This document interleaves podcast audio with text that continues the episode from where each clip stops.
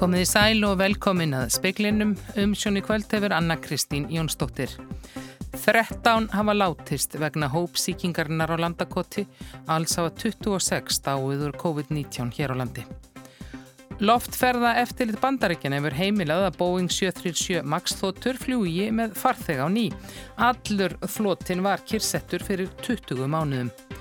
Þingmaður Vafge telur aðlegt að forsættisráðunitið fari með rannsókn og aðbúnaði á vistheimilum. Það gert ráð fyrir að keiftir verði hér 5-600.000 skamtar af bólefninga COVID-19, það þýðir alltaf 300.000 verða bólusett. Kórunarkreppan hefur bytnað einna harðast á ungu fólki og úrraði stjórnvalda þurfa snúast meira um fólkið en fyrirtækin segir formaði samtaka ungsfólks í alltíðu sambandinu. Einn sjúklingur lést á landsbítalum síðastliðin sólaringavöldum COVID-19, 26 af því látist hér á landi þar á 13 sem reykjum á til hópsíkingarnar landakoti. Sankvæmt upplýsingum fréttastofu var sá sem lést á landsbítalum nú á nýraðisaldri og tengist andlátið hópsíkingunni. Alls eru 55 á sjúkrahúsi með COVID-19 þar að fjórir á gjörgæslu. Kórónaveiran hefur stungið sér niður á Östurlandi sem hefur verið nær smittlust. Bílstjóri skólabílstarf eistra greindi smittaður gær og skólahaldi var aflýst í Egilstaðaskóla og Fellaskóla í dag. Um 30 börn sem voru í skólabínu fyrir helgi er í sótkví auk nokkura starfsmanna í mötuneytum skólana. Loftferða eftirlit bandaríkina heimilaði í dag að Boeing 737 MAX þóttum erði flóið með farþega nýju. 20 mánuðir eru frá því að þær voru kyrsettar eftir tvö mannskjað flugslis.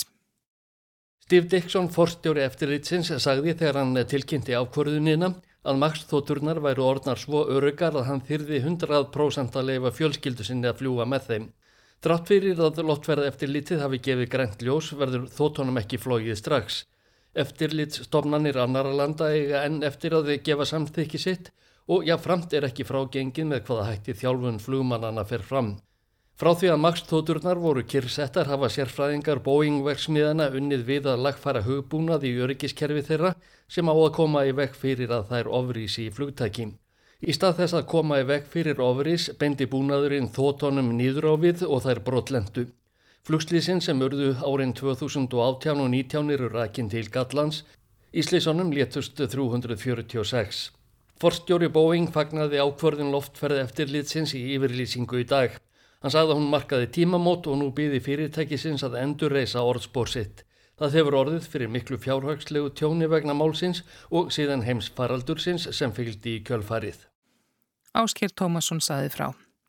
Grímur veita ekki vörn gegn því að smittast af COVID-19 en þar geta komið vekk fyrir að smittaðir síki aðra samkvæmt nýri danskri rannsókn á grímunótkun.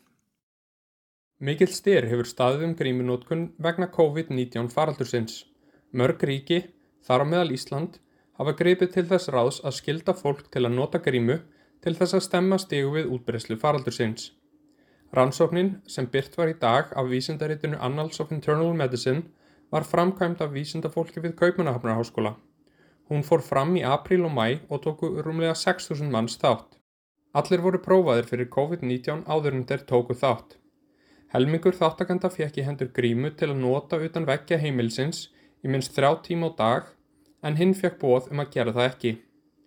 Tilgangur rannsóknarinnar var að kanna hvort nótkun gríma dræjur líkum og smiti í umhverfi þar sem grímunótkun var ekki algeng eða hluti af sóttvarnar fyrirmælum yfirvalda. Af þeim hópi sem notaði grímu smituðist 1,8% af COVID-19 en 2,1% af þeim sem ekki gerðu það. Danska ríkisútarpið DR hefur eftir einum af aðstandendum rannsóknarinnar að svo verðist sem grímur veiti 15-20% af vörð gegn smiti en töluna séu enn á reiki og ómögulegt að fullir það hvort grímundan séu til gags eða ekki þegar koma skal í veg fyrir smitt. Munurinn á því hvort fólk beri grímur eða ekki til að hindra smitt sé ekki jafn mikill og búist hafi verið við. Bandariska sóttvartan eftirlitið hefur fullirt að grímunótkun gagnist bæði til að komi veg fyrir að einstaklingar með COVID-19 smiti út frá sér og verið þá sem ekki hafa síkst smiti. Þorvarður Pálsson saði frá. Ólafur Þór Gunnarsson, þingmaður vinstri reyfingarna græns frambóðs og fyrsti varaformaður velferðarnemdar alþingis, telur eðlilegt að forsættisráðunitið fari með rannsókn og aðbúnaði á vistheimilum vegna umfangs og reynslu ráðunitisins af sambærlegum verkefnum. Geðhjálp og þroskahjálp hafi farið fram á það við velferðarnemnd alþingis að slík rannsókn verði gerð á aðbúnaði síðastliðin 80 ár. Þver pólitísk sátt er í nefndinni um að ráðast í rannsókn en ágreiningur um hver eigi að fara með hana og formaðurinn telur eðlilegt að hún sé á forræði þingsins. Fórstráðandi hefur líka mjög góða og mikla reynslu af vinslu sambarleira mála. Ég nefni Breiðavíkumálið, Kópavókshælið uh, og Kumbaravóg og fleiri staði, Hellisingaskólan og ráðuniti hefur fyllt þessu málum eftir á mjög myndarlegan hátt af mínumati og ég held að það sé bestilisfallið hafa þau yfir sín sem þarf. En er ekki aðrilegt að þetta sé á forræði þingsins? Þingið fær þessa beini og skoðar hana. Í, í þau skipti sem hafa verið rannsóknarnefndir þá hafa þeir oftast verið snúist um mál sem hafa verið tengt á fjármálafyrirtækjum eða, eða fjármálum. Eh, mér finnst málið eðlis ólíkt en ég vona náttúrulega að nefndin komist að samverleiri niðurstöðu málinu og, og finni lendingu að, sem að þetta getur verið sammálum. Sagði Ólafur Þór Gunnarsson, Jóhanna Vigdís Hjaltadóttir talaði við hann og nánar verður fjallaðum þetta í sjónvarpsfréttum klukkan 7. Grönur er um íkveikju þar sem eldur kom upp í fjölbílishúsi í Úlfarsárdal í gerkvöld. Þetta staðfestir Elín Agnes Kristínardóttir aðstóðar yfir lögurglu þjótt hjá lögurglunni á höfuborgarsvæðinu. Talsvert tjón varði í íbúðinni, engin er í haldi lögurglasögn Elínar sem vildi ekki gefa upp á hverju grönur um íkveikju væri reistur. Talnarunan 1, 2, 3, 4, 5, 6 er vinsælasta leikilorð netverja samkvæmt úttækt fyrirtæksins Nordpass sem rekur umsýslu forrið fyrir leikilorð. Þessi einfalda talnaruna hefur verið afhjúpuð sem leikilorð netverja meirinn 20 miljón sinnum. Nýverið var greint frá því að hollenskur sérfræðingur í netöryggismálum hafi tekist að brjótast inn í Twitter-reikning Donald Trump fórsetta bandaríkina einfallega með því að giska og líkil orðið. Það var enda einfalt og fórsetunum tamt, MAGA 2020, skamstöfunin fyrir Make America Great Again 2020. Öflugt líkil orð getur verið góð vörd fyrir svikum og þjófnaði á netinu. Margar þjónustur skilda til dæmis notendur sína til þess að hafa bæði hástafi og tölustafi í líkilorðum sínum. Á meðal 200 vinsælustu líkilorðana eru einfaldar talnarunur, enska hugtakiði fyrir líkilorð, password og önnur einföld og misgáuleg hugtök. Nordpass stilti upp lista yfir vinsalustu leikilorðin með því að rína í gögn sem lekið hefur verið. Listanum er raðað eftir því hversu oft einstakur strengur bókstafa og tölustafa kemur fyrir. Þá er einnig reknaður sá tími sem það tekur tölvu að uppgöta leikilorð og aflæsa rekningum. Leikilorðið 1, 2, 3, 4, 5, 6 tekur til að mynda innan við eina sekundu að finna. Birgir Þór Harðarsson saði frá. Bönnum á leikskólanum Áltaborg við Savamýri í Reykjavík var haldinn í dag vegna mengunar og svifriks og var þetta í fyrsta skipti í vettur. Grant er fylst með styrk svifriks við leikskólan sem er nærri stórum umferðagötum. En svifrik mæltist 148 mikrogram á rúmmetra um miðjan dag við Grensásveg og annar staðar í borginni mæltist líka mikil styrkur riks fram eftir degi. En á morgun er spáð vaksandi suðustanátt í borginni sem væntanlega blæs svifrikinu burt og svo regnir annað kvöld og bindur það enn frek frekar.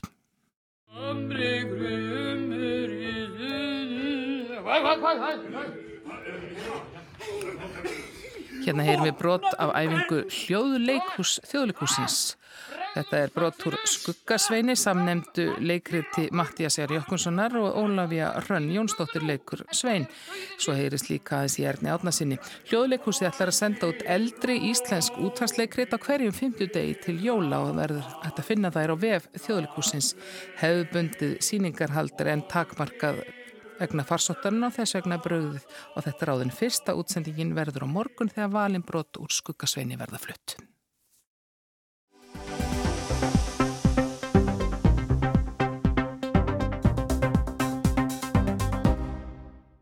Atvinnuleysi fer vaksandi. Í síðasta mánuði var það rétt tæp 10%.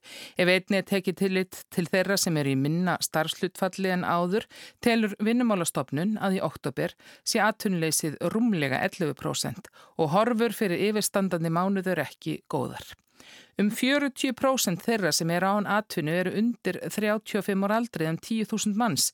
Viðvarandi atvinnuleysi ungsfólks getur haft langvinn neikvæð áhrif á lífið þess starfsmöguleika og tekjur, segir yfirlýsingu sem fórustu fólk stúdenta, ungliðarhefinga nokkura stjórnmáluflokka og samtaka ungsfólks innan Alþjóðsambands Íslands sendu frá sér nýlega. Þar skorað á stjórnvöld að þau bregðist við vanda ungsfólks í alvarlegustu atvinnukreppu sem mælst hefur hér á landi. Gundega Jánlínína er formaður aðeins í ung. Það verðist að vera að ungt fólk kemur sem vest úr þessu svo kallega koronakreppu og hérna það er gríðalegt atvinnuleysi milli ungsfólk sem er skilgreit átján til uh, 35 ára, það eru hátt upp í 40%. Uh, og í þessari tölu er í rauninni ekki inn í uh, atvinnuleysi námsmenn sem er líka sem er líka áhuggefnið að það sem eh, stór hluti á, á námsmönnum eru vun að vinna með náminu og þau hafa einfallega yngar rétt á bótum akkurat núna. Uh, Greiðslunar sem, sem námsmenn far frá lín bara dugur ekki til framfæslu og margt að þessu fólk gerir eitthvað fjölskyldur og, og gerir ímislegt í lífinu. Gundega segist í sjálfsvegar ekki búið yfir einföldum svörum um hvernig ég bregðast við og hvaða úrræði unga fólki þurfi. Fyrst og fremst þurfi að greina vandan og hópana betur.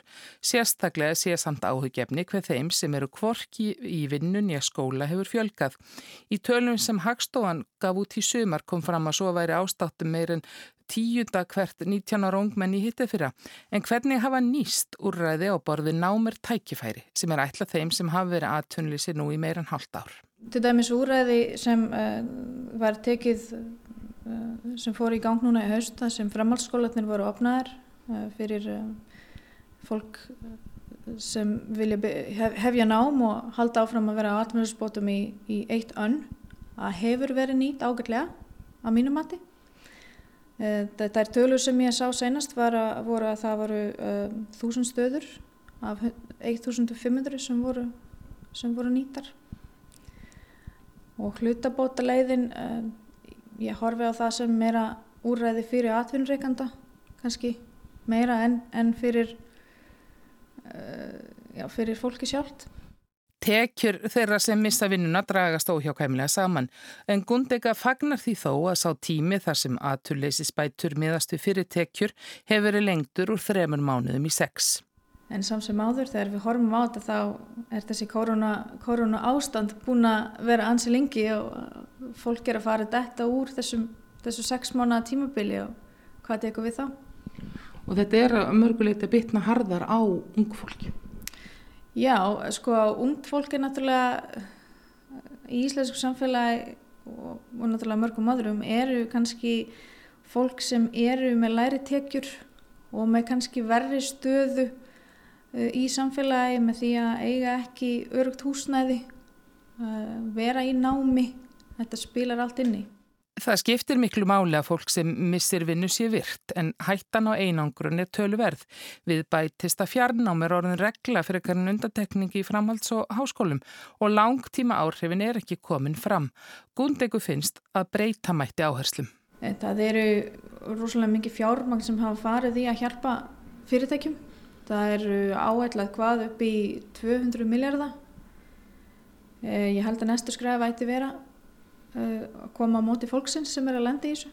Við þurfum að greina þessa hópa, finna hvar vandin leikur, búa til ný störf og líka horfa á e, verðurstörfin eins eftir þessa kreppu eða þurfum við að halda áfram og horfa í framtíðina. Á Suðunessjum er aðtunleysi meira en annar staðar á landinu fór í rúmlega 21% í óttabér. Sérstaklega er aðtunu ástandi erfitt hjá konum þar sem aðtunleysi var um 24% í mánuðinum. Dragana Stefania Stojanovic misti vinnuna hjá Bláa lóninu í mars strax í upphæfu faraldursins og hún hefur leitað vinnu síðan. Það er mjög erfitt. Við erum bara í, hérna í Grindavík Keflavík er náleik, það er ekki málið að keira en það er búin að vera líka hjá þeim ekkert að gera. Fólki eru bara hverjum degi að missa vinnunni þá við þurfum bara að býða og sjá til. Hvar hefur verið að leita fyrir þér? Sko ég var að leita bara veitingarstaðar, ég var að spyrja líka í fiski, bara alls konar í búð. Í bíli núna, uh, þú veist, mér skiptir ekki máli hvað ég ætla að gera, nema bara hafa vínu og, þú veist, bera mat fyrir framann á fjöskildu. Dragana vann í bláa lóninu í rúmlega þrjú ár. Hún kom til Íslands árið 2004 og hefur alltaf haft nóg að gera, hvort sem er í skóla eða vinnu og aðgerðarleysi er henni framandi. Ég er að vakna á mótnana og keira krakkana í skóla, ég kem aftur heim, ég er að fá mér alltaf kaffi eða tíu á mótnana og svo bara að lesa frettir og gera eitthvað. Manni mín hann er að fara, hérna hann er að vinna frá klukkan netlefu þá við erum saman að gera morgumas og hérna hann fer í vinu og ég bara fara út að lappa og býða eftir hérna strákir að klára svona mittli eitt og halvtvö hérna skólinn. Þá ég bara með honum heima, hann er að koma heim, við erum að gera hérna heimalestur og við erum bara í eitthvað leik, við erum hérna að sækja stelp og svo bara fórum við allir út. Ég elska að baka, þá hérna þetta róa mig svolítið nýður og hugarni mínir eru hérna einhvers það annars það hérna og ég er ekki að hugsa núna ég er heima og ég á ekkert að gera. Jólastúsið er kærkomin tilbreyting en Dragana heldur að tímin eftir áramót getur orðið erfiður. Hún og vinkonennar sem er í svipaðri stöðu hafa kynnt sér nám sem er í bóði. Það er nefnilega hérna núna svolítið að gera en eftir hérna hvernig er allt hérna búið í, í janúar? Ég held að það er komin tími að við bara gerum eitthvað handa okkur bara skella okkur að læra og, og hérna menta eitthvað að það hérna og býða þessi COVID er farið svo við getum vinna eitthvað sem okkur langar í og við vorum að fara í náum fyrir það saði Dragana Stefania Stojanovic og fyrir var rætt við Gundegu Jánlinínu.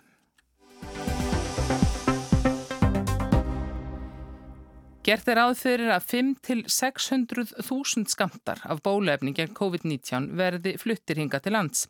Miða er við að fólk fái spröytu tvísvar sem þýðir að alltaf 300.000 verða bólusett. Ekki verður lögð áhersla á að bólusetja yngra fólk en enn er ekki ljóst hvenar bólusetningar hefjast. Bóluefni gegn COVID-19 er beðið með óþrejum, það er mikið undir og ljóst að efnarshorfu landsins ráðast að því hvenna byrja verður að bólusetja þjóðina. Í heilbriðisraðunitur er unnið að reglugerðum hvernig bólusetningum verður háttað og hverji verði forgangi til að byrja með. Þegar svínaflensan gekk yfir heimsbyðina 2009 voru keftið 300.000 skamtar hinga til lands að bóluefni sem átt að döga til að bólusetja 150.000 manns. Gert var áfyrir að spröyta þyrti tvísvar. Það reyndist óþart vegna þess að bóluefnið var nokkuð öflugt. Það var líka gefin út regligerð um hverju ætti að vera í forgangi og rætt var við Lúðvík Ólásson, lækningafórstjóra hilsugjæslu höfuborgarsvæðisins í hátíðisvetum útvars um miðjan oktober 2009. Við hefum raðað fólki niður eftir, hérna, eftir í hvaða rauð það kemst að bólefninu og e, helbyrðistarsmenn e, ganga það fyrir og þeir sem að tryggja svona öryggi þjónustu, mikilvæga þjónustu og svo kemur að, að fólki sem er með undirleikjandi sjútuma og þeir sjútumar hafa verið skilgrindir og hérna og það verður á einhvern hátt þeim skilabóðum komið til fólk sem er með þessa sjútuma að það geti eh, komist í bólusetningar á heilsugjæslu stöðum. Bóluefni barst til landsins 15. oktober og sama dag var byrjað að bólusetja heilbyrðistarsmenn og svo einstaklinga með tiltekla undirlikjandi sjúkdóma og löðrugla björgunarsveitir, slökkulismenn og sjúkurarfluttingamenn voru líka spröytaðir. Spurningin sem brennur nú á vörum allra er hvenar vonir á bóluefni hinga til lands en vita með þann Stuttasvarið nei, segir Þórólu Gunnarsson, sortvandalæknir. Hann segir að nokkri livjaframleðendur séu komni mjög langt með að þróa bóluefni og tverbúnur að lýsa því yfir að þeirra efni virki vel. En áður en að bóluefni komi hingað eigi þau þó eftir að fara fyrir eftirlýstofnarnir eins og til dæmis livjastofnun Evrópum. Svo hefjist framlegsla og ákvarðanir um hvernig bóluefnið deilist millir landa á ímislegt eftir að koma í ljós áður en að dreifingi verður og það er ómöld að segja hvena bólefni getur komið hinga til lands en auðvitað maður gerir sér kannski vonrum að það myndi koma einhver tíman á fyrri part næsta árs. Sumir hafa fullirt að bólusetningar geti hafið strax í janúar en Þórólur segir að það séu bara getgátur. En hvað gert þar á fyrir að keipti verði margir skamtar af bóluefni? Já, það er gert ráð fyrir því hér að, að við munum kaupa, ég er ekki með nákvæma tölu en það er eitthvað millir 5 og 600 þúsund skamtar og, og gerum við ráð fyrir tveimur spröytum uh, á mann eða þarf að segja að full bólusetning uh, krefjist uh, tvekja uh, spröyta í, í, í raun og verð til að ná fullri vend. Speillin hefur heyrt að við að sé við að um 270.000 manns verði bólusettir. Í svínaflensunni var lögð áherslu á að bólusitta yngra fólk en börn er ekki eins næm fyrir smiti núna vegna koronavirunar. Þorlu segir að í faraldurinu nú hafi ungt fólk ekki veikst illa. Það er ekki gert ráð fyrir því að, að börn verði einhvers vegar ofalega lista í, í, í bólusetningunum nema að hafa einhvern undirlíkjandi áhættu þátt og þetta er öðruvísi heldur en var í, í svínaflensunni og influensu þar sem að börn eru ofta aðal smittberar uh, við veikina. Þetta er svolítið öðru vísi þannig að, þannig að við erum ekki að leggja áherslu á það að, að börn verði bólusett núna. Unnið er að forgámslista um hverji verða fyrsti til að fá bóluefni. Þórulu segir að í þeirri vinnu sé stuðst við tillögur frá alþjóða heilbriðismála stopnunni. Þannig að það er gert ráð fyrir að heilbriði starfsmennu verið bólusetti fyrst, eftirlega þeir sem eru náttúrulega að sjá sjúklinga og einhverjum þar sem að COVID sjúklingar eru að við munum reyna að kapkosta bólusetja það fólk fyrst og svo kolla kolli og, og, og svo munum við reyna e, líka taka fyrir svona mikilvæga innviði, fólk með e, undirlikjandi ákveðna sjúkdóma, nú aldur, e, reynum að leggja áherslu á eldri borgara, sjúkruna, heimilin og svo framleys. Þannig að það eru margir sem að verða á listan en við, en við verðum einhvern veginn að reyna að ræða þessu þannig að ef við fáum takkmarka magna bólefnin í einu að við getum þá bara farið, byrjað á efst á listanum og fært okkur svo niður. Hann segir að bólusetningin þurfi ekki að taka langan tíma en það far eftir því hver mikið og rætt eh, bóluefni berist til landsins. Fyrirtæki distikta munu sjáum að koma bóluefninu til Íslands og dreifa því á heilsugjærslu stöðvar og á spítala. Fyrirtæki sérhæfiri sig að flytja liv. Júlía Rós Alladóttir, framkvæmdastjóri distikta, segir að aðferðin við að flytja bóluefni hingað fara eftir þeim efnum sem verða í bóði. Það er alltaf að sex lífaframlegendur sem eru komnið vel á veg með þróun og bóluefnum. Eh, við höfum heist að eitthvað af þessum bóluefni þarf að flytjast til mínus 80 gráður en, en svo eru önnur sem er bara helbendin kæli bóluefni 2-8 gráður. Þannig að flutningurinn auðvitað og flutningsumbúðuna til landsins miðast svolítið við þetta hitastig mismunandi hittastig en, hérna, en, en það eru til góða flutningsumbúður fyrir bæði skilirinn og, og, og þessu, þetta verður flutt til landsins líklega í flugvelum við þessi hittastig sem umræðir í, í flutningsumbúður. Sagði Júlia Rós Alladóttir, Arnar Páll Haugsson tók saman.